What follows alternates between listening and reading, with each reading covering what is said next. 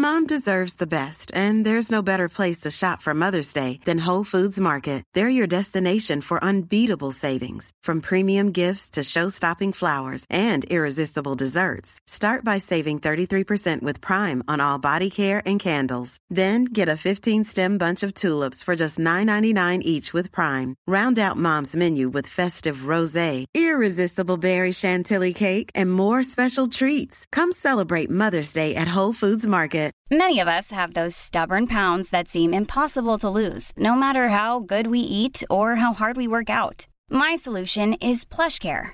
PlushCare is a leading telehealth provider with doctors who are there for you day and night to partner with you in your weight loss journey. They can prescribe FDA-approved weight loss medications like Wagovi and Zepbound for those who qualify. Plus, they accept most insurance plans. To get started, visit plushcare.com slash weight loss. That's plushcare.com slash weight loss. When you're ready to pop the question, the last thing you want to do is second guess the ring. At Bluenile.com, you can design a one-of-a-kind ring with the ease and convenience of shopping online. Choose your diamond and setting. When you find the one, you'll get it delivered right to your door. Go to Bluenile.com and use promo code LISTEN to get $50 off your purchase of $500 or more. That's code LISTEN at Bluenile.com for $50 off your purchase.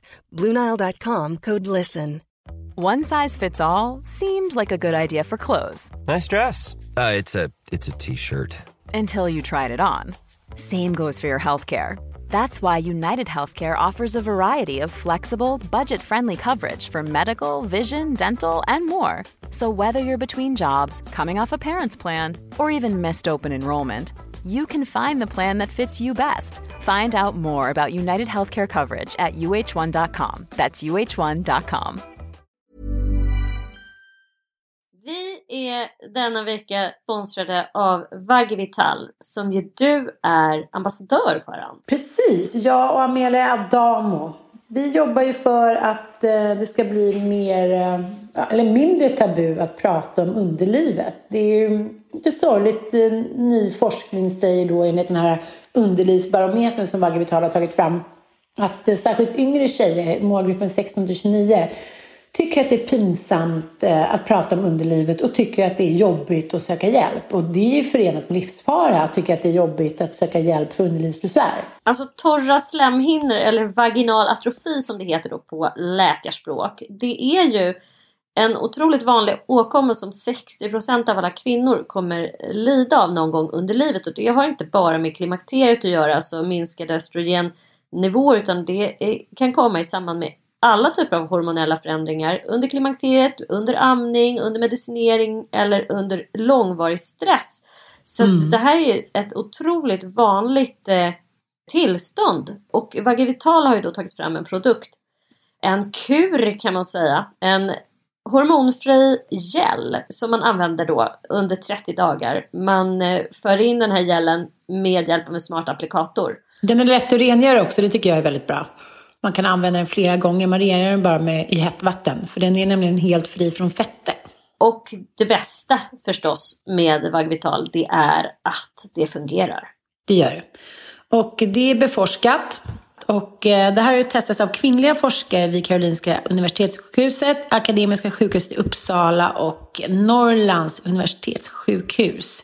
Och eh, det är som sagt, eh, resultatet har ju visat att eh, ja, Vagavitals gel har då en kliniskt bevisad bra effekt mot besvär då mot just vaginal atrofi.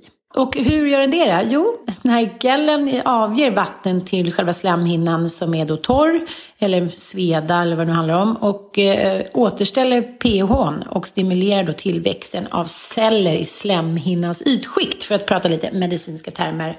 Så det hjälper. Gå in på vagivital.se om ni är intresserade av att läsa mer. Tack Vagivital!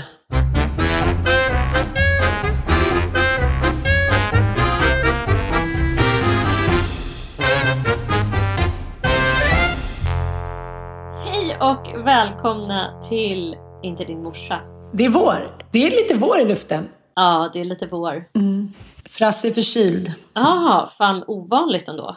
skitovanligt. Jag satt och skröt på någon middag i fredags. Mamma barn är aldrig sjuka. Och det, är liksom, det är någonting som inte stämmer. Alltså, de är, och sen så boff. Det, jag har ändå känt det i ganska många år nu. Du säger alltid att de aldrig är sjuka. Ändå vabbar du hela tiden. De kräks ner hela nyårsaftnar.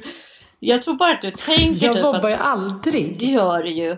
De är alltid hemma. Det, är alltid som man ska podda med dig så har någon unge som bara nej men han var lite snorig, han fick inte komma. Du har någon in, idé om att de aldrig är sjuka men de är alltid sjuka för du typ vill inte att de ska vara sjuka. det kanske är det. Ja. Jag var så här instängd i min egen verklighet. Så, nej. Nej. Jag, eh, ja, det är kanske är därför jag, jag drömde i natt också att, att Frans drunknade. Alltså, Gud vad obehagligt. jag, jag tvingar dem ju på simskola efter simskola efter simskola. Jag tycker det är så vidrigt att det sker så många eh, drunkningsolyckor. Men ja, nu kommer vi helt från ämnet. Eh, det, var, det är så hemskt när man drömmer så där tydligt. Själv drömde jag om dig och nu ska du få höra det mest bisarra. Jag drömde att du hade gjort samma operation som nu Magdalena Graf har gjort och är extremöppen med på sin Instagram och blogg. Aha. Att hon har sprutat in fett från sin röv i eh, sina alltså så här, rynkor runt munnen och eh, kind, eh, under ögonen. Mm, jag tror inte hon hade något rödfett. Jo men det har hon tydligen så att det räcker. Det är väl inte så mycket som behövs där tänker jag. Och sen, sen har hon också gjort ögonlocksplastik. Så hon, Det är tydligen mycket, mycket populärt nu. ja, men de lägger nu, alltså hon lägger ut så ärliga bilder bara direkt så här dagen efter operation typ. Så att man får följa Ah. hela läkningsproceduren. Hon ser ut som en hamster. Alltså det är väldigt svullet allting. Och jag drömde att du hade gjort det. Att jag var så här, du bara visst är det fint? Jag bara "Mm, nej. ah, det så här. Och att du dessutom hade fått en bebis. Oj då! Mm. Jag gjorde liksom, samtidigt som de förlöste mig Ja. så tog jag en ögonlocksoperation. Du bara ta lite rövfett medan jag ändå har en epidural. De skulle gärna få ta lite magfett av mig just nu ska jag säga. Men det där är lustigt tycker jag med eh, att de i början då av pandemin så var det ingen som vågade gå tydligen till någon plastik eller botox eller någonting. Men nu med liksom med facit i hand så har ju eh, hela den här plastikkirurgin, eh, AKA med plus, ja men allting som vi alla håller på med, eller inte alla håller på med, med har ju ökat med över 30 procent. Ja, och jag kan förstå det. Jag var ju själv, jag var ju faktiskt och föreläste i Karlstad förra veckan och besökte Just då vår fantastiska vän, vad är hon heter? På, Katrin Mörtel. ja, på Karlstad hudklinik. Mm. Vi har ju känt den i många år eftersom vi är kompisar Ja. med Karlstads bästa frisör på Cutting Kitchen, Gigi. Ja, Eh, det, och, och, hon är lite av en, eh, en stadsprofil. Ja men det är hon. Hon är verkligen internkändis eller man ska säga Ja. i eh, Karlstad. Men, Hon är deras Kim Kardashian. Ja, och då fick jag i alla fall eh, komma till Karlstad hudklinik vilket ju är bara en sån jävla amazing upplevelse. För de har ju skapat så här lyxkänsla eh, känsla på hela kliniken så fick jag en magisk ansiktsbehandling. Åh gud vad trevligt. Det var så otroligt härligt vet du, med massage i hårbotten och bara 43 olika masker och portömning. Ja, jag bara kände mig som en så här baby efter det. Och passade också på att göra lite botox. Mycket bra. Eller, Ja, på argrynkan så här inför vårsolen. Och eh, jag lägger verkligen ingen värdering i vad folk vill göra med sina face. Eh, det finns ju många som har gjort det till sin livsuppgift att eh, bli förbannade över det. Men jag tänker väl att så här, vad fan. Jag är över 42, jag är ingen ung kvinna som vill förändra mitt utseende. Och jag tror inte att jag är, det är inte så att jag är någon influencer som influerar unga kvinnor att göra som jag. tänker jag. Jag vet inte. Är man Men jag vet inte heller. Jag tycker det är snårigt. Det som jag tycker... Har vi ett ansvar mot de unga kvinnorna, du och jag? Jo, det är klart, det har man ju alltid. Jag, vet inte, jag tycker det är svårt det där med ansvar. Katrin Mörtel som äger den här kliniken, hon säger oftast att man, man behöver inte se ut som 22, man kan se ut som sitt bästa jag, vare sig man är liksom 40, 50 eller 60. Och eh, det ligger någonting i det, så att säga, att här, man vill se ut som sitt bästa jag. Men eh, d- den eviga ungdomen har ju alltid varit en obsession hos både kvinnor och män. Och eh, män, eh, det är just ögonlocksoperationerna som jag läste har, har ökat mest hos män. Men jag, Och att de vill Jag tänker- korrigera sin käklinje.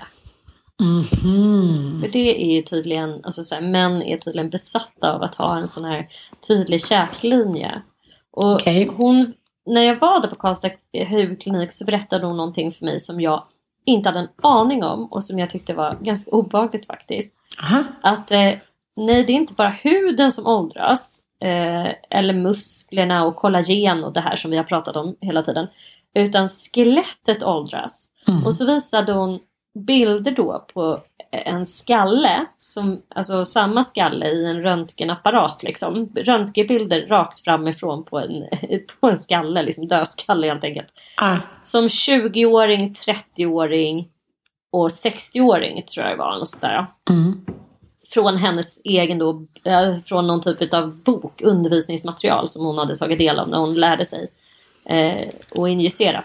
Men alltså det är sån jävla skillnad på skelettet. Det är väl klart. Du bara trodde att det var Det- så här Ja, men 20 jag tror på röst. hur, nej men alltså skallen ser typ ut som en neandertalare när man är så här 80. Ja, jag vet. Alltså man har ju tappat hela så här käk, eh, alltså det här tydliga som skelettet, de här, så här bones liksom. Allt det där har ju sjunkit ihop och nötts av och jag menar det är också celler som förnyas hela tiden. Men jag vet inte, så här, det där med ansvar. Jag, jag tror att det är svårt att som ung tjej eller kille att man tittar på sina föräldrar och så tittar man på sig själv. Och så liksom, ja men alla har ju, alltså, alla har inte bröst som liksom sitter uppe vid eh, öronen. Och, eh, man kanske mm, tycker så här, gud vad stor min näsa. Eller ja, massa olika så här, komplex som man har i tonåren. Och så tittar man på sin morsa som är så här, ja men typ 25, 30, 40 år äldre. Med så här 20-åringstuttar, perfekt rak näsa, inte en rynka. Ja, det, det kan nog bli lite liksom märkligt och komplext och ställa en del så här krav. Jag, menar, det, det, jag tror inte att det spelar någon roll som den här debatten som har rasat senaste veckan om man så här, föds in i kultureliten. Jag tänker att det är lite samma sak här. Att så här, det man ser hemma eller det man får med sig i modersmjölken. Så att du kan bli läkare. Du ska såklart plugga. I vissa familjer, som vi har pratat mycket om det där, Olga och Ville Crawford. Att så här, det, det fanns ingen... Hon skulle aldrig våga säga till sin pappa att hon inte skulle plugga vidare. Det gör man i familjen eh, Crawford. Alltså att, att, att, att det finns möjligheter. Det är ingenting som man tänker så här, undrar om jag skulle kunna klara av att bli läkare. Undrar om jag... Hmm, det är mm, barn som har föräldrar som är arbetslösa. De liksom, ja, det är 70 procent färre av de barnen som pluggar vidare till exempel. Och eh, jag tycker att det är lite, jag tycker det är jobbigt med sådana där fakta. Att, man, eh, att barnen påverkas otroligt mycket av stimulun eller känslan eller det som är hemma. Jag fattar att den gör det, men eh, liksom, när de här siffrorna kommer så tycker jag att de är så oerhört höga hela tiden. Jag blir så här, okej, okay, Sen tycker jag den här... Och, och, och, och samtidigt ska man ju veta att vi i Sverige ändå eh, är det landet i världen där eh, flest personer har gjort klassresor Mm, mm. historiskt sett. Eh, och vi har ju skapat ett, ett förhållandevis jämlikt land. Mm. Även om liksom, klasskillnaderna ökar nu igen. Men vi har ju ändå gjort det till, eller socialdemokratin har ju gjort det till sin största uppgift att utjämna klassklyftorna och utplåna dem allra helst. Men också att ge alla barn en möjlighet att kunna göra en klassresa. Och eh, här är det liksom lättare än någonsin. Du kan läsa upp dina gymnasiepoäng gratis på komvux. Du kan eh, liksom få olika typer av hjälp med din skolgång som absolut inte finns i andra delar av världen. Och nästan, det är helt gratis att läsa på universitet och högskola. Alltså herregud. Mm. Nej, jag vet, jag vet, jag vet. Enorma Jämför möjligheter med till att USA ta till sig. exempel. Ja. Ja. Men när det gäller kulturelit då, då så eh, nu har inte jag hängt med helt i den här debatten men jag läste en rolig replik från Jonathan Unge och sen var det någon också som var inne på det kanske var han, ja men det här med att födas Son till Cecilia Hagen, känd skribent och författare på Ja. Expressen sedan många Och år Jon, tillbaka. Jonathan Unge är ju inte skribent men han är Komiker. Han är komiker och eh, han sitter i tankesmedjan i P3 och han, han är fruktansvärt rolig. Han är eh, krönikör också. Aftonbladet, ja. Som sin mamma var i Expressen. Eller om hon är det fortfarande till och med. Ja, det är. Men han skrev i alla fall, han har ju ett barn tillsammans med Sissela, eh, nej, vad heter hon? Sissela Ben. Ben, ja. Mm. Och hon är också komiker och han skrev en faktiskt väldigt rolig replik på det där att så här, vad skulle deras unge typ duga till i någon akademisk liksom, miljö. Utan hon är tyvärr sketchmaterial hon också. Om hon ska kunna tjäna en enda, typ liksom så här, om hon ens ska kunna livnära sig på någonting så får det nog bli lite sketcher. Hon mm. har lyckats liksom ha, det är klart att, jag vet inte, alltså kreativitet tror jag till viss del är ärftligt, det finns det studier på. Och sen är det naturligtvis så att man fostras ju in i en miljö där man eh, dels får veta att det är möjligt att livnära sig eh, av liksom, kreativitet. Och mm. att det finns massor med olika vägar att gå. Och man befinner sig i sådana sammanhang. Liksom. Och framförallt om jag ser på mig själv så var båda mina föräldrar, alltså de tyckte att det var viktigare att vi eh, höll på med, alltså min mammas högsta önskan, det var ju liksom att Love skulle bli konstnär, Kalle skulle bli musiker och jag skulle bli författare. Uh. Det var liksom glasklart från början. Hon värdesatte det så otroligt mycket högre än alla akademiska eh, alla akademiska poäng i, i världen. Liksom. Mm, och, mm. Det, det, gjorde min pappa också. Han gav ju oss, liksom, vi kunde vilket instrument som helst. Liksom. Det var väldigt högt uppsatt och det var samma sak för Mickes. Mickes mamma kom ju verkligen från arbetarklass. Mm. Men hon var så här, du kan bli vad du vill Micke, du kan bli vad du vill. Jag kommer supporta dig. Om du vill liksom, vilken konstnärlig grej som helst så kommer jag bara stå där eh, och finnas där för dig. Eh, men om du ska bli läkare, då tar jag min hand ifrån dig alltså. Det, det. Nej, men det hade hon säkert eh, supportat också. Men, men framförallt, det är inte alla som hejar på sina barn när det gäller det kreativa. Nej, det är det absolut inte. Men jag det är ganska många som tänker att det finns inte så mycket inkomstmöjligheter där. Och det är ganska tufft att leva också. Jag menar okej okay, om du blir fucking Stellan Skarsgård. Men mm, det finns ju mm. ganska många skådespelare som knegar på i så här, eh, Stadsteatern i Varberg. Alltså så här, extremt små obskyra uppsättningar som aldrig liksom får någon typ av alltså, uppskattning. Förstår du? Som står längst bak på scen eller som kanske är scenarbetare som jobbar med teater på andra sätt. Liksom. Men jag tycker det är så jävla roligt just med kulturen. Den har ju verkligen hamnat i fokus under coronan just för att den har blivit helt nedsläckt. Och det har gjort oss på något sätt lite mer klasslösa. Eh, man kan ju tänka att, ja men du vet att det är ofta liksom, ja men Dramaten, Operan, dels är det svindyrt, dels är det liksom lite samma sak där. Att så här, jag har väldigt svårt att se att så här, Elon bara, okej okay, jag drar på Dramaten morsan, ha det bra typ. Eller så här, jag, jag, jag har köpt en biljett till Operan mamma. liksom.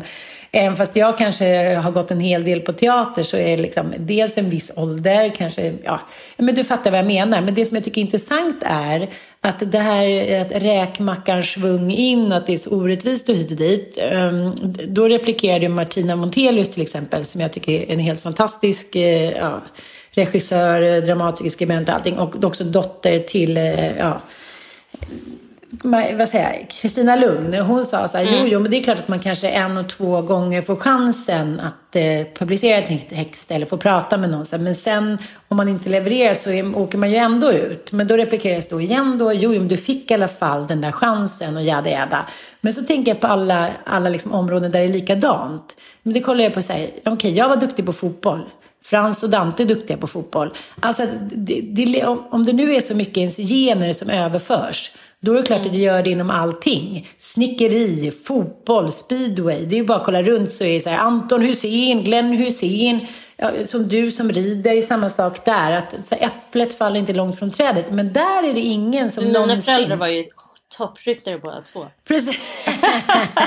de var livrädda för hästar. Det fanns inga ryttare bakåt i min släkt. Men jag fattar vad du menar. Jag har i alla fall fostrat en av mina barn till att vilja hålla på med det där. Ja. Men absolut, alltså, det är väl en kompott och en mix. Och just nu så forskar man ju mycket på gener och kommer fram till att No, alltså väldigt, väldigt mycket har med gener att mm, göra mm. och personlighetsdrag inte minst och sådär. Och sen är det förstås i nära eh, anknytning till hur man fostrar sina barn. Och jag menar Martina Montelius, jag lyssnade faktiskt, det var roligt. Alltså för er som inte har hängt med här så är det en kulturdebatt alltså som pågår. Sanna Samuelsson skrev en text i Göteborgs-Posten den 15 mars och hon skrev där att liksom kulturbarn har en jävla räkmacka in på, på liksom kulturelitens scen.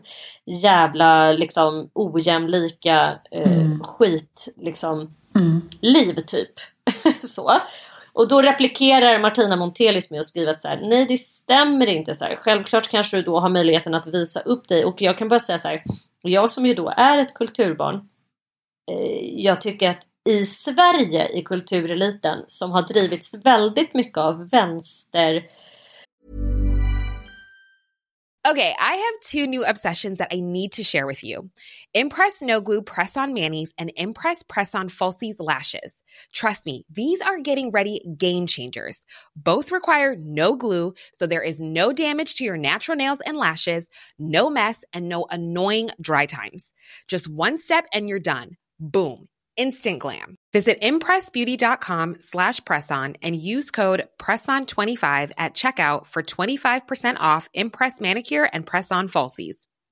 This is Paige, the co-host of Giggly Squad, and I want to tell you about a company that I've been loving, Olive June. Olive June gives you everything that you need for a salon quality manicure in one box. And if you break it down, it really comes out to $2 a manicure, which is absolutely insane. It's also so easy to get salon worthy nails at home with Olive and June. The difference between how your nails used to look when you did them yourself and now with the Manny system is a complete game changer. The best thing about Olive and June too is it's a quick dry, dries in about one minute, lasts for five days, and full coverage in up to one to two coats. Visit oliveandjune.com slash perfectmanny20 for 20% off your first system. That's oliveandjune.com slash perfectmanny20 for 20% off your first system.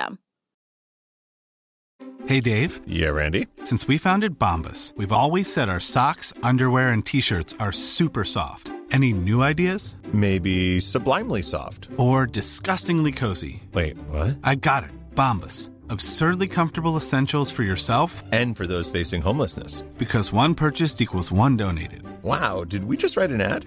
Yes. Bombas. Big comfort for everyone. Go to bombas.com slash ACAST and use code ACAST for 20% off your first purchase. Hey, it's Paige DeSorbo from Giggly Squad. High quality fashion without the price tag? Say hello to Quince.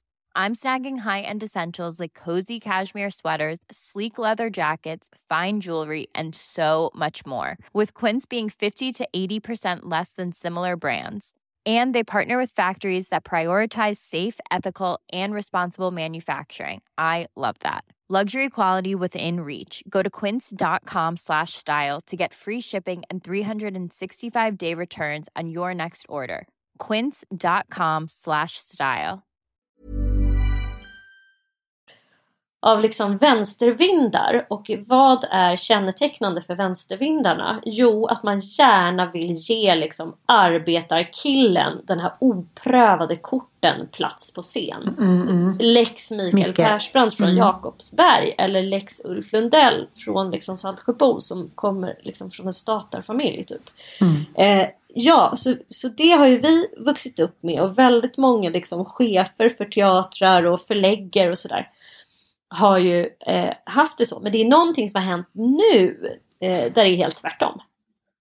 Det är verkligen så att har man ett namn, eh, heter man Skarsgård eller Lundell eller har man ett känt efternamn så är det klart att eh, folk, för vi dri- drivs mycket mer av kapitalet. Mm. Vi ska ha utsålda liksom vi ska ha utsålda föreställningar på Mm. teatern. Det räcker inte med eh, för Dramaten att det är halvtomt utan det ska vara utsålt. Det är inte särskilt De har ju mycket tältprojekt liksom. Nej, det är inte så mycket tältprojekt Mm. längre. Och gör en tv-serie på SVT. Förr i tiden då räckte det med om de hade liksom inga krav på att de skulle ha jättehöga tittarsiffror, men det har de nu. Mm, mm. Det är det De enda det snackas om de är ju casten. så kåta på det på, eh, det är ju alla kanaler men jag tycker nästan SVT går i bräschen så här. Nu en miljon på play, det är otroligt liksom. Alla men, sett blå linjen. Så att, eh, jag, tr- jag tror att det skiljer mig. Men jag pratade lite, det slog mig så mycket. För att Ossian, eh, ja, min äldste kille, han eh, går på filmskola. Och nu håller de på att spela in en, en liten kortfilm. Och då är det baserat på 80-talet. Och då säger hans, tjejkomp- hans tjejkompisar. "Oj, Gud, jag hade verkligen velat leva på 80-talet. Så här, eh, med så härliga kläder. Och kolla bara den här bergsprängaren, där bandspelaren hit och dit. Och det var så lustigt. För i förrgår när jag och Ossian satt och pratade så sa jag så här. Vet du, jag tycker att det är lite sorgligt. För att eh, när du kommer titta på bilder på dig själv från din ungdom. Då kommer alla, eh, inklusive din mor och dina liksom, syskon och alla dina kompisar. Alla kommer se liksom fräscha ut. Det kommer vara fräscha hem och ni kommer inte ha några konstiga ståuppluggar och sönderfärgade liksom, Ehm, slingor eller så här, kläder som man bara säger, nej men herregud, vad hade ni hittat det där? Alla kommer vara lite så här jeans, college, lite snygga sköna jackor. Det kommer vara så här sköningar liksom. Det kommer inte vara någonting som sticker ut. Medan när jag kollar, eh, när jag kollar, jag hittade dina gamla bilder också som jag lånade när jag hade, eh, gjorde vår kokbok. Nej men det är så konstiga frisyrer och luggar och färger och kläder som man bara är så här, nej men vi ser liksom inte kloka ut. Sen är vi gulliga för att vi är tonnisar hit dit. Men vi är inte så här, vi är inga snygga bananer liksom. Det är inte Fast så här... älskling, jag tror bara att så, här, så där tänkte vi då också. Att vi var liksom så här, såg normala ut på den tiden. Ja, jag, tänk, jag, jag, kan, jag kan nämna tre olika saker som vår generations barn kommer titta tillbaka på och tycka är så här, fy fan vad sjukt. Okej, bra, bra älskling. Det vi inledde med, förstorade läppar, alltså injektioner det av olika slag. Folk med botoxface överdrivet och läppinjektioner. De kom bara, vad fan höll de på med? Inklusive det här med booty lift, så att de höll på att lyfta sina rövar och sånt. Att det var så här rövmode. Alltså det är så jävla bisarrt. Nummer två, en annan grej som är extremt bisarrt. Det är de här ögonbrynen som folk håller på och kammar uppåt. Alltså de gör så här... Den här, att man ska, alltså vad fan är det? Jag såg en bild på Carolina Gynning, hon är ju jättevacker men hon hade då gjort en sån här browlift heter det tror jag. När man så här kammar upp dem och sätter in permanentvätska och sen sitter liksom håren som igelkottar uppe på så här superbreda ögonbryn. Det ser helt sinnessjukt ut. Och det är någonting som vi nu tycker är vackert och normaliserar. Det är skitknäppt alltså. Och sen har vi en till trend som, jag, som också kommer vara så här, men vad fan är grejen? Jag har tänkt på de här bootsen som folk har gått runt med i vinter. Med så här jättetjock traktorsula typ. Och så är det liksom så här blanka boots. Och jag tror att trenden kom från en typ eh, Prada-stövel. Eller alltså det är någon typ av, alltså de, de ser för jävla fula ut. Och alla har dem nu och alla tycker på att de är så jävla, de är så trendiga, så moderiktiga. Kom du ihåg när vi, när, gick ni omkring i Echos? Helt plötsligt hade det varit liksom en sko för så här gamla tanter och gubbar som knappt kunde gå och som kanske ville ta en liten promenad innan de typ coola vippen. Jag kommer ihåg, det var liksom de hetaste skorna. Jag kommer ihåg Sanna Löve som typ var så snyggast. Syl- Sanna Löve och Ylva Wiman var typ de snyggaste i skolan. Och de hade dem och de hade jättesmå fötter kommer jag ihåg. Typ så här 36-37 så hade de raggsockor i dem. Jag bara, jag måste också ha sådana gråa. Men du vet, det var så fula skor. Riktiga Ja, liksom. eh, Gubbe, liksom träslöjdsmajefötter. Och jag som hade liksom 40 redan då. Och så raggsockor på det. Du vet, det såg ju inte klokt ut. Men det var så här, nej, det skulle alla ha. Men ja. det kanske, du kanske har rätt då. Fast det är ju mer estetiskt. Jag tycker det är så gulligt när jag kollar. Jag har så här, randiga strumpbyxor, kängor. Jag vill se ut som så här Mm, Jag vill se ut som, vad heter hon, Susanna Arquette typ. Susan, where are you? det är lite, Ja, ja, men det var ju också lite typ lekfullare tycker jag. Mm. Allting var Mm, ja. lekfullare. Men det kommer komma, men sen är det också så här, det fanns ju många olika subkulturer som var väldigt, alltså, jag tyckte att det var ett samhälle rikare på subkulturer. Man kunde bli Mm. punkare om man ville. Man kunde bli... Emos finns ju i och för sig nu. Ja, Emos. i, ja, fast de, de verkar inte finnas så mycket längre. Nej, det är så mycket, Nej. emos liksom. Eh, Utan... alltså, Raggare. Ja, raggare, punkare. Alltså det fanns så jävla mycket olika saker att vara. Nu Mm. upplever jag typ att alla är väldigt mycket mer samma. Man kollar på Insta, man säger, men gud, de är så snygga, så här, de är 18-åringar, som man bara, men gud, de ser ut som att de är med i Gucci-reklam allihopa på en jävla måndag på Insta, när man själv ser ut som ett så vrak från typ Estonia, förlåt. Jag... Men det hade väl väldigt mycket på bildkvaliteterna i kamerorna att göra också. Och att så här, de här människorna har ju liksom 300 chans, eller liksom, ja men hur många minuter finns det på en dag? De kan ju ta 83 000 selfies på en dag och välja ut en Mm. som de sedan ljussätter. Vi fick ju hålla till godo med att vår farsa plockade fram kameran och typ en rulle i halvåret ungefär. Så det är också det. Så de bilder som togs var man ju så här, ja det var de då. Det blev inga bra bilder på den här rullen men Nej. ja, håll till godo. Så här, bara, har du blixt på din kamera? När det blev så här blixt när det fanns små Men jag tänker att det kompaktkameror var så jävla mycket prestige när inte alla kunde ta bild. Vi, jag hade ett jobbmöte igår och då fick jag så ett sms. Jag bara, vem är det här? Och då hade en av Kina som var med tagit bild på oss. Mm. På mig och en kompis som heter Malin. Hon, som satt, Malin satt med solglasögon. Hon bara, men kolla hur ni ser ut. Vi bara. Och då kunde man ju direkt så här, okej, wow, vi ser ut som ras typ. Men, men förut var det ju så att, jag menar, när vi liksom öluffade. Då kanske man framkallar de jävla rullarna fem, mån, sex månader senare i värsta fall. Mm. Och då var det så här, okej, okay, där sitter jag typ med två ölburkar bakom bhn, så här, halvpackad och tycker att jag är jätterolig. Det, ja, men, det var liksom ingen Ja, prestige. det var ju så jävla event. Det fanns inga bevis. Det var så här, man kunde vara sig själv lite mer. Jag tror att det där skapar, jag, jag läste också i tidningen att, att det har kommit in många så här, ja, men kvinnor och liksom, ja, utbrända kvinnor. Att det, det är en ökning av perfektionistsyndromet. Mm. Att människor är liksom besatta. Pennan ska ligga så, man ska vara hemma. Jag hade en kompis här hemma eh, för några veckor sedan. Hon var jag klarar inte av det här. Det ligger en liten glasspinne på golvet. Jag bara, jaha, hoppas det inte ligger något lik typ från en gammal hamster eller något. Nej, men alltså, så här, jag märkte på henne, hon blev märkbart stressad över att inte var helt perfekt. Hon klarade inte av det liksom. Mm. Och det här är någonting som eh, har blivit otroligt mycket mer utbrett de senaste åren. Att så här, människor, särskilt kvinnor, vill att allt ska vara perfekt.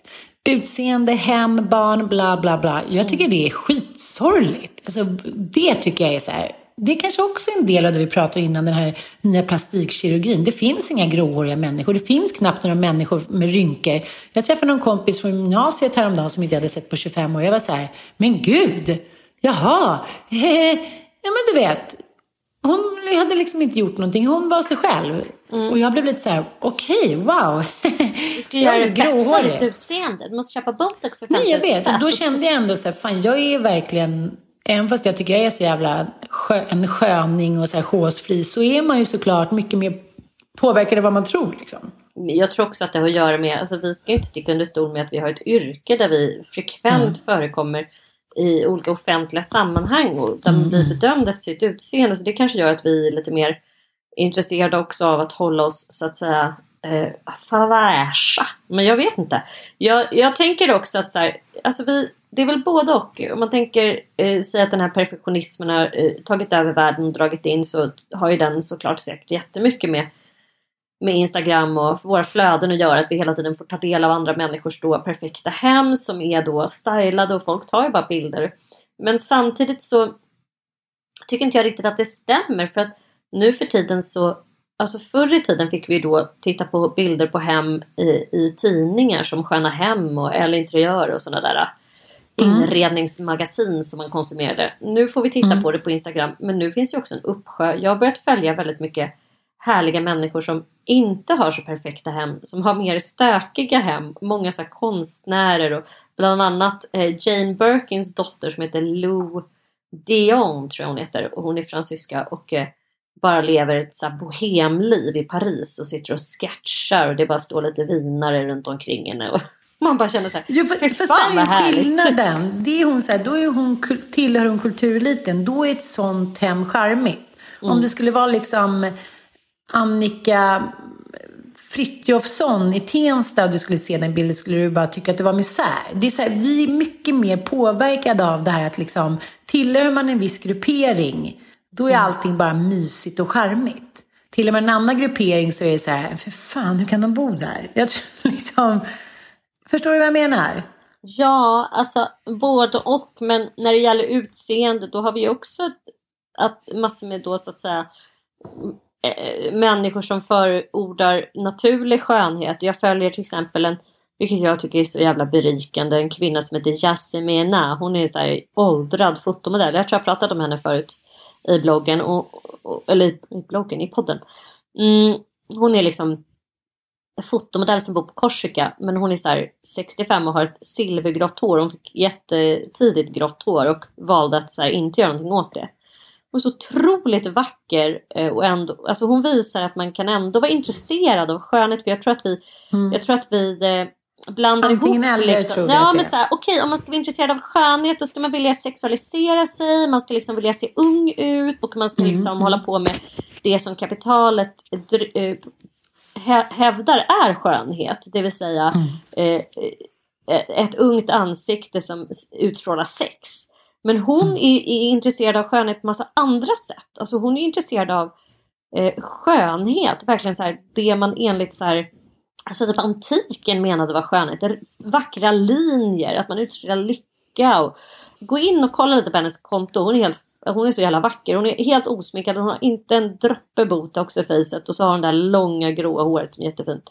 Och, eh, så jag tycker att både och. Sen har vi ju massa så här, vad heter det, Paulina Poriskova till exempel. Ja, henne följer jag också. Ja, men, hon är så men, men där blir det lite tycker jag. Hon tycker ju, hon är ju bitter för att hon är en av de få som inte har gett sig hän åt J Lo Ja, eller Magdalena Graf-effekten, att man så här hela tiden håller på med det nyaste, det senaste, så man bara blir så här, men gud, det är helt sjukt att hon kan se så ung ut. Inte så här, men gud, vad är det nu för en ny metod? Vilket det alltid är, eftersom hon är 52 år gammal och ser ut som 30, så är det inte så här, oh she got good genes. Mm. Det kanske hon också har. Det är klart att det ser man ju själv så på olika, om man bara tar mig och min syrra. Min syrra opererade ögonlocken när hon var 38. Då kunde ju hon inte se när hon vaknade på morgonen.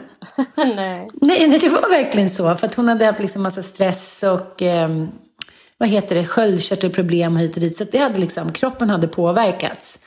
Eh, då var hon 38 och då sa de till henne så här, gud vi opererade henne, du är som en 75-årig tant. Alltså det är, så här, det är samma häng. Och Köris pappa, min älskling, hade ju också det. Mm. Men jag har ju liksom ingenting av häng, sådana hängtendenser. Jag liksom, det är klart, jag är ju snart 50, det är inte så jag menar. Men det är inte liksom oj, oj, oj vad det hänger och slänger. Så det handlar ju mycket om så här, ja, jävligt mycket om gener. Det är ju bara så.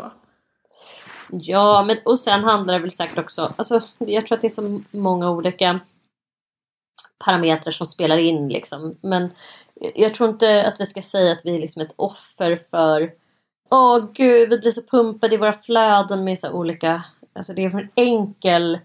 Det är en för enkel förklaring tänker jag. Jag tror att vi alltid, och det här har vi pratat om förut, har varit intresserade av att vara skö, alltså av skönhet. Men eh, hur man når dit ser olika ut och jag tycker i alla fall att det går att, att vidga sitt skönhetsbegrepp lite grann. Och jag tror att det handlar sjukt mycket om det här med att sexualisera sig och nu när vi liksom hamnar i börjar närma oss klimakteriet och att så här, inte vara så att säga fruktsam längre. Eh, vad är skönhet? Ska man ändå hålla på att sexualisera sig då? Eh, vad betyder det att man så att säga utstrålar ungdomlighet och fertilitet genom att sexualisera sig? Eh, vad betyder det för en? Är det viktigt? Och det är sådana frågor som vi ställs inför.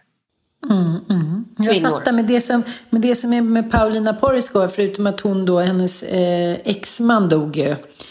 Eh, vad heter han? Rick Osak. Eh, ja, men, eh, han var ju... Jag tror de skilde sig. Ja, men hon lämnade honom och sen dog han eh, mm. hux flux. Mm. Och då hade han skrivit bort henne ur testamentet. Mm. Så superbittert bara, om jag dör så ska Paulina inte få en spänn liksom. Mm. Det var så här, riktigt bittert liksom. Och så här, typ elakt skrivet testamentet. Och hon har ju varit väldigt öppen med det. Att hon... Ja, men de, jag menar, hon, han var ju så här 75 och hon är väl 55 typ. Och de träffades när hon var jätteung och supermodell. Och han var ju så här sångare gitarrist i The Cars. Som var så här, ja, vad ska, vad ska man kalla det för? Rockpunkband typ. Med mm. lite melodiösa popslingor inblandat. Och han ser ju väldigt speciell ut. Han, så här, men han har ett väldigt särget utseende. Så det var ju verkligen, det var ju massa rubriker. Skönheten, odjuret och bla bla bla. Mm. Och eh, hon, ja, de separerar och är ändå så goda vänner, går på premiär och tar med två jättefina pojkar och hit och dit liksom. Och sen så visar det sig att han har varit så sjukt bitter. Liksom. Så när han bara dör hux flux så får hon inte en spänn, hon måste flytta från huset. Nej men alltså det är liksom på riktigt Krösa-Maja, snåljåp, Smålandsnivå. Liksom. Mm. Och eh, det har hon varit helt öppen med hur vidrigt det var att ha, ha liksom känt någon i så här, och levt med någon i typ 35 år och sen visar det sig att den inte alls var den man trodde. Fast jag förstår ändå inte riktigt här att hon lämnar honom och separerar. Jag vet inte riktigt. Det, det, det, liksom, det förtäller inte riktigt historien om de kommer överens om det här. Eller om, liksom, För ja, då tänker jag väl att så här, det är typ som att jag skulle bli aslack på att Wille Crafoord har skrivit ut mig ur testamentet. jag, bara, eh, det, jag förväntar mig inte att ärva av honom. Men det kanske var så att de var fortsatt gifta men hade någon paus då eller någonting. Precis, jag vet inte. Men, men hon har varit väldigt försmådd. Och hon skriver väldigt, väldigt mycket om skönhet. Det är nästan, det skriver hon om att hon är försmådd och det skriver hon om skönhet. Och jag lägger inte in med det. Jag tycker hon har ett jättefint konto. Men hon är ju passive aggressive about att eh, alla håller på och liksom opererar sig botox alltså, medan hon inte gör det. Mm. Så hon kämpar ju liksom enda dag med alternativa behandlingar, ansiktsmasker, försöka göra liksom liknande sådana grejer som botox fast med naturmedel hit och dit och når ju aldrig riktigt fram. Mm. Såklart. Eftersom... Men, men anledningen till att hon är bitter på sin Rick Osek det är ju Mm. att hon gav honom kontrollen över deras gemensamma tillgångar. Så de levde ju... Aha, okej, så, okej. Ja, så det kanske inte är så konstigt att hon... och nu ska vi ändå, vi ska ändå prata riktigt och rätt om henne. Det kanske inte är så konstigt att hon är skitlack. Och det, jag upplever att hen- hennes konto är som en feministisk pamflett. En äldre kvinna Mm. som har varit en del av den här skönhetsindustrin och det återanknyter väl kanske lite grann till vårt, vårt första tema här. Liksom att Mm. födas in i någonting eh, oavsett om det är kulturelit eller då att födas med skönhet. Alltså vissa Mm. yrken är ju extremt orättvisa. Att vara fotomodell kan inte alla bli till exempel. Nej, Eh, det är och hon, svårt. det, det är jävligt svårt att, att bli supermodell. Där kan inte, vem som helst kan inte bli det heller. Ett tag var det så här, fokusering på det här people's choice. Alltså man, man skulle se Ja. vanlig ut och bli modell. Men den trenden höll inte i sig längre. För det, det är inte det vad pöbeln vill ha. Man vill ha liksom Man vill de ha, vackraste. de- Ja. Ja, man vill ha de vackraste av de vackraste och de, de med de absolut längsta benen och de mest absurda kropparna som liksom är så tonade och så vackra och liksom Els, Elsa Hosk typ. Eh, och Ja. Paulina Poroskova var ju verkligen en, en eh, alltså spot on en sån typ av modell. Alltså helt underskön. Hon var ju en av de här stora tillsammans med Cindy Crawford som verkligen blev de första supermodellerna. Men hon, hon är ändå, tycker jag, eh, tittar ju på skönhetsindustrin med ganska så här, krass och ärlig blick och det är ganska intressant att läsa liksom, hennes analys av vad hon har varit med om under sitt liv. Och sen, Verkligen. eh, så att, ja, det är väl ett litet tips från oss. Gå in och följ Paulina Podeskova. Alla ni som är i vår ålder kommer ju definitivt känna igen henne och kunna relatera till henne. Hon har gjort hur många omslag på de här eh, stora, absolut största modemagasinen som helst. Och var ju extremt känd där under en period. Men jag tycker det är intressant med återblickar. Jag tänker också så här, det var också en replik i den här kulturdebatten att det var så här, ja men det är kanske liksom, det är inte särskilt synd om, om de här tjejerna, barnen som har liksom, ja, på något sätt hamnat kultureliten på grund av en räkmackeeffekt liksom. Men deras föräldrar är väl egentligen de som har allra sämst. Jag tänker på Knausgårds alla fem barn liksom. Han har ändå fem ungar som, ja, är ganska så här tänkbara kandidater till att bli kulturbarn eller kulturmänniskor. Mm. Liksom, människor. När de ska börja nysta alla hans jävla dagböcker där han liksom helt flawless har bara berättat om ja, men de mest detaljrika vardagliga liksom, betraktelser kring sina barn. Jag tänker på, var det inte Jörn Donners son som skrev någon eh, biografi över honom nu när han gick bort här för några år sedan och var så här, han var en elak jävel liksom. Mm. Och eh, oh, Anna Wahlgren, ja, det är väl det absolut eh, hemskaste. Och även i USA, det finns ju tusen liksom, biografier där folk hänger ut sina elaka jävla morsor och farsor. Mm. Så att eh, what goes around comes around. Så det, ja, jag känner ju själv liksom, jaha, vad kommer mina barn säga om flamsa runt under sin uppväxt? Ja, Jag vet inte. Man får liksom, eh, ja, what goes around comes around kanske, jag vet inte. Så är det väl med allt. Ja men sen är det väl också så här, dels de här kulturbarnen som skriver böcker om sina föräldrar, de har väl eh, möjlighet att kunna göra det. De är inte alltid jättevälskrivna ska jag säga. Jag läste en faktiskt om Kerstin Thorvalls son skrev ju en, eh, en någon typ av självbiografisk. Mm. Den var ju verkligen kackig kvalitet. Den höll liksom Mm. inte en särskilt hög stilistisk nivå tyvärr. För jag hade ju verkligen älskat att höra hans perspektiv. Och jag tycker också att så här, med rätta hade de på något sätt... Ah, jag tycker att det, det behövdes för att få en riktig bild av henne. Hon blev ju väldigt hyllad här under en period där det gjordes ju en, en dokumentär eller liksom en spelserie om Ja. henne. Men där man kände Mm. att så här, men gud, vet du, liksom, hennes barn eh, håller ju definitivt inte med om eh, den här geniförklaringen, det här geniförklarandet av henne och att så här, det ska antingen vara antingen eller på något sätt. Ja, att man ja. inte kan få vara båda och man kan ju vara Mm. despotisk och hemsk eh, och samtidigt helt fantastiskt eh, briljant. Eh, och där har vi liksom, vi har alltid svårt med det här dikotoma, att folk är både och liksom. Mm. Och det tänker jag, det leder mig faktiskt in på, eh, för precis när du ringde mig och eh, eller messade mig att vi skulle börja podda, då satt jag och tittade på Karina Bergfeldt. Hennes show som är liksom istället för Skavlan. Precis, det har blivit värsta succén nu. Jag tycker det är så roligt för för mig är hon ganska så här... Jag, inte, jag följer henne och kollar lite då och då men jag har liksom inte förstått att hon har varit så otroligt populär. Ja, hon, hon var ju, började ju som skribent för Aftonbladet tror jag och Mm, bevakade, var det inte Utöja tror jag? Jo, jag tror det. Jo, jo. jo. Ja, och gjorde ju, alltså hon gav ju verkligen oss eh, allt en reporter ska göra från just Utöja genom att så här, live-tweeta tror jag hon gjorde liksom, om allt som hände, om rättegången och allt, allt, allt liksom. Så man fick ju verkligen följa det här på ett fantastiskt sätt. Jag tror hon till och med prisades för det också. Sen så började hon jobba på SVT på nyheterna och blev ju utrikeskorrespondent i USA. Och, och där var det också, alltså många då, jag, jag är ju sjukt dålig konsument av nyheter, framförallt SVTs nyheter. Men där var, blev hon ju väldigt, väldigt populär. Och eh, sen gjorde hon ju Sommarprat. De berättade om sin barndom. Mm, mm. Som också blev väldigt älskat. Och därifrån till att få hoppa in då för Skavlan. Och, och jag eh, såg nu det senaste avsnittet som sändes då eh, i fredags. När Hanna Hellquist, Kalle Moreus och Fredrik Federley var Mm. gäster. Just ja, det var ju en riktig het potatis alltså. Vilken Mm. kioskvältare alltså. Mm. Det här är ju Fredrik Federleys första offentliga då uttalande Intervju, om ja. och intervju. För er som inte har hängt med Fredrik Federley-härvan eh, så Mm. är det ju, han var ju EU-parlamentariker för eh, Centerpartiet och det framkom här i december, eller om det var i november, att han hade en relation med en, en dömd pedofil.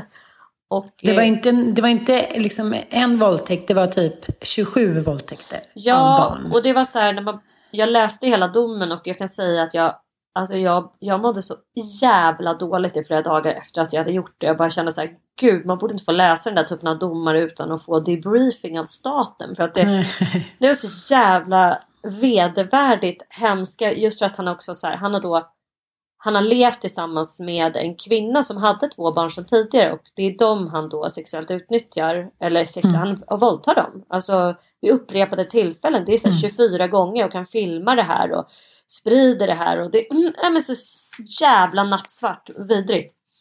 Så allting finns ju dokumenterat och han döms då till 12 års fängelse och kommer ut eh, ganska så långt eh, tidigare. Vänta, jag ska bara, vänta ett tag. Fan, jag, måste, jag får så ett blombud. Jag vet inte vem som har skickat blommor till mig. Jaha. Kanske karlslocken? Jaha, det tror jag inte. Din hemliga älskare. Mm, Är Rosans honom nu? Nej, jag blev bara så trött på honom när han kom hem här. Men den sanna kolla blommor kan jag i alla fall berätta att eh, den här mannen då, hade, vi ska vara korrekta då eftersom det är ett sånt känsligt fall. Han hade alltså dömts i 22 fall i våldtäkt mot barn. Mm. Och eh, ja, eh, men Federley har ju såklart ställt upp i den här intervjun för att han då, som han själv säger, eller vadå, så han säger själv att han vill komma vidare.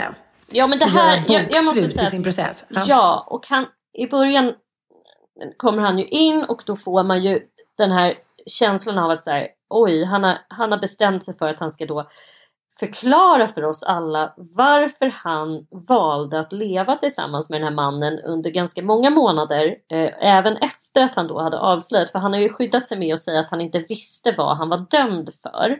Precis. Mm, och Mm, det börjar kanon. ju så här Det tror jag trevande. inte på ett dugg. Men. Nej men per, nej, vad heter det, Carina Bergfeldt hon är lite så här gullig och snäll mot honom. Alltså det är inte några vassa frågor som ställs utan det är så här, hur kändes det? Det är mycket huvud på sned som man bara känner så här, men sluta liksom. Gå på pudelns kärna här, fråga karln hur det kommer sig att han inte kollar upp om det är en kille som säger att han, är, att han är, liksom, har suttit i fängelse.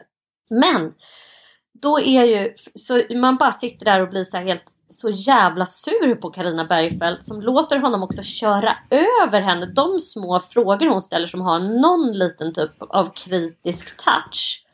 Där bara replikerar han henne blixtsnabbt med så här skammande. Hur kan du utgå ifrån att jag inte vill skydda mitt barn?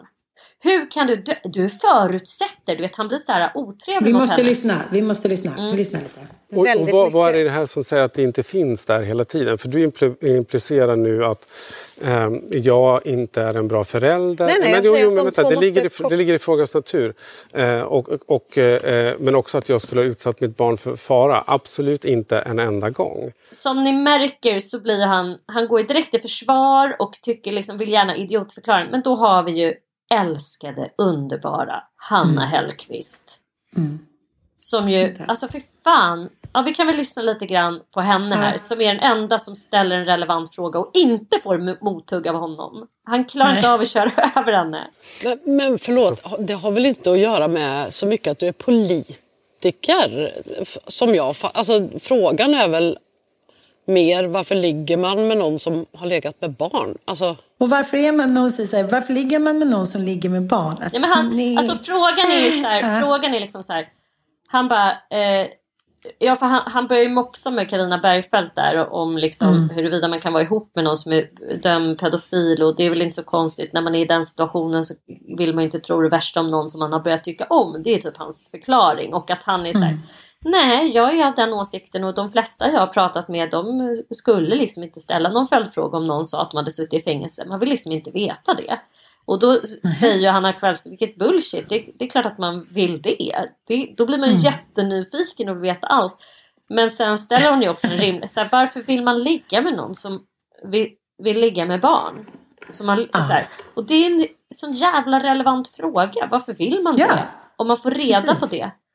Varför vill man ändå gå vidare och ta det steget och fortsätta ligga eller ligga med en sån Fortsätta person? ligga, fortsätta vara kär i, fortsätta Mm. så här. Vi kanske är extremt eh, okunniga här. Det kanske är så att man normaliseringsprocessen eh, även slår till i den här typen av relationer och när man är kär så går man in i någon typ av förnekelse precis som kring andra då jävligt skamfyllda grejer. I don't know. Men det har vi väl båda varit med om så det fattar man väl att det kan ske. Men, Men har du man aldrig ställts inför, jag menar jag har ändå levt i relationer där jag har känt så här, fan det där är inte okej.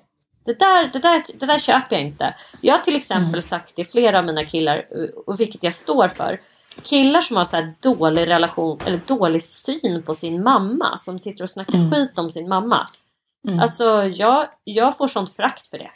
Mm, Jag med. Jag bara känner såhär, men gud ska du behandla din mamma som jag trasdock? Är du inte klok? Alltså, Mm. Där känner jag bara såhär, men gud jag är beredd att göra slut med den när som helst. Jag med dig. Eh, och jag tänker att skulle krypa fram här nu att Matti skulle ha haft någon typ av sexuell relation med ett barn. Och jag kan såklart förstå att man då kanske börjar tänka så här. Vadå, det kanske var någon som var 16 år som är då i ett barns eh, eh, ålder. Liksom. Alltså man börjar tänka att det kanske inte var så allvarligt och försöka hitta liksom, vägar till att normalisera det och sådär. Att man vill tro det bästa om den som man tycker väldigt, väldigt mycket om. Men när man läser den där domen så kan man ju faktiskt inte tolka den på något annat sätt än vad som står i den. Men det var väl väldigt, väldigt små barn, var det Det är små barn och det är liksom, det, det finns inga så här, nu tycker inte jag det finns förmildrande omständigheter om någonting som har med barnpornografi att göra förstås. Men du fattar vad jag menar att man säger, Mm. men gud, eh, ja, men hon var 17 och skulle fylla 18 imorgon typ eller så. Kanske man ser lite mildare på än någon som så här, våldtar en tvååring liksom, och Ja, filmar. Alltså, Av naturliga skäl. Ja, Ja. av naturliga skäl. Hur som haver. Det här är en sån jävla eh, korkad medverkan av Fredrik Federley. För han tror ju att han ska kliva in där och bli rentvådd och få ett reningsbad och så här. Det enda som händer det är att så här, Hanna fucking Hellqvist, eh, Sveriges liksom i särklass skickligaste journalist känner jag efter den här intervjun. Mm, mm. Lyckas bara nedmontera honom med två raka frågor. Hon, hon är inte ens skambeläggande. Hon inte ens eh, liksom, hon har inte det här, eh, ja, för frågorna är relevanta liksom. Men hon säger dem inte på något så här, särskilt elakt sätt heller. Bara rätt upp och ner sådär som bara Hanna Hellquist kan. Det, det, det jag tänkte säga, det är väl hennes, jag tänker så här som Kerstin Thorvall om vi ska återgå till, eh, till den stämpeln hon fick i den här då eh, lite lätt förklädda romanen som hennes son skriver. Jag tror att, att Camilla Torngren tror jag att hans mamma hette i den. Där är så här, nej men liksom han kör över henne. Liksom, hon är bara kåt och galen, kokett och eh, hysterisk. Och men liksom, hon är ett sånt jävla fucking psycho. Mm. Eh, på ett sätt som är så här, okej, okay, wow. Eh, uh. Eh, men, men det jag menar med att som, den här, som vi pratade om förra gången, den, eh, den krönikan eller sen som Hanna Hellquist skrev att hon helt har ballat ur och, är, och liksom har blivit en så här nedskitad eh, kvinna i spenaten typ med klumpigt hår och hon luktar illa och hon röker i sängen och hon har djur i sängen. Vem fan annars skulle kunna skriva den i hela Sverige Mm. utan att bli så här nagelfaren, typ uthängd, bara så här, äckliga kvinna, bla bla bla. Hon har en helt unik situation och jag bara känner så här, varför? För någon som skrev också, tydligen så kom Christian Lok in på slutet. Mm. Mm, och bara så här, att det var så pinsamt och liksom den där, du vet, skinntorre mannen kom. Varför ska han ens liksom få sina olika, hela, ja du vet, gång på gång ska han få talkshows. Men fan vill lyssna, ge alla talkshows till typ Hanna Hellquist. Mm, men det är precis det jag vill komma till. Att säga, ni behöver inte casta någon Leta mer. Runt. Bara, jag tar henne. Jag vill höra henne intervjua precis vem som helst. Det kommer Mm. bli intressant. Det kommer bli avslöjande och det kommer bli förnyande. Man kommer få höra eh, helt nya perspektiv. Alltså all ära till Carina Bergfeldt. Hon är, liksom, hon är proffsig. Men hon gör någonting. Hon bara, det är som att hon bara härmar det som redan har gjorts. Förstår du vad jag menar? Mm, det mm, fin- finns mm, inget nytänk i det. Det är liksom bara så här. Åh, här ska vi sitta och ha lite samkväm. Och vi kan ändå Mm. inte ställa liksom alldeles för eh, intrikata frågor för då blir det dålig stämning. Det blir det ju bara Mm. när hon ens försöker vara liksom så här. Hon, hon ställer ju väldigt milda frågor till Fredrik Federley. Det blir ändå jobbig stämning. Det är för att hon har den approachen. De Mm. gäster som skulle komma till Hanna Hellquist skulle veta vad de gav sig in på. Så här, Ja. shit, ja, shit can hit the fan, men då vet du det. Då Mm. skulle det bli så jävla spännande. Då skulle det ske någonting nytt i rutan. Det skulle bli någonting som aldrig hade setts förut. Mm. Heja Hanna! Och jag vill gärna se hönor och sig i studion. Ja, det tycker jag var ett fint avslut på den här podden. Eh, Ge Hanna Hellquist varenda jävla talkshow i Sverige så ska vi sitta bänkade. Tack för idag. Tack för att ni lyssnar. Gå in och följ oss på Instagram. Ja. Inte din morsa. Vi har inte varit så flitiga där att lägga ut grejer i flödet. Men vi ska bli bättre Vi på började, det. gick ut hårt. Ja, det gjorde vi. Jag kan lägga ut eh, de två tipsen tycker jag på Paulina Poriskovas konto och Mm. eh, den andra kvinnan som jag redan glömt. Mm. Vi. Jasmina, min supermodell, min franska korsikan. Jag vill bara säga också så här, för den här generationens kvinnor nu i botoxland som vi pratar om eget ansvar, så har vi ändå en kvinna som är så här, en jävla förebild för varenda kille och varenda tjej som växer upp nu. Och det är han Hellquist. Mm, precis. Puss och kram!